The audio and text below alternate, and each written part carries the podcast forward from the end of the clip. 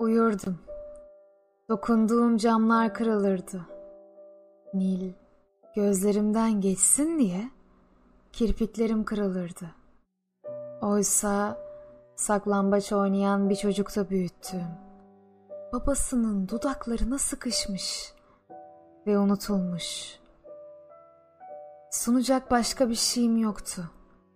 Bir çocuğun bayram sabahındaki beklentisini sundum yaşama. Ve oğlu savaşta bir annenin tedirginliğini. Nil gün akarken Şubat gibi biriktim. Ve onun sakladıklarını sunarak saklandığım yerden çıktım yaşama.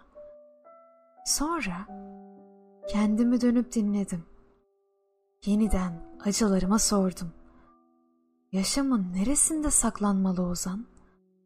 Ya da nasıl saklamalı yaşamı?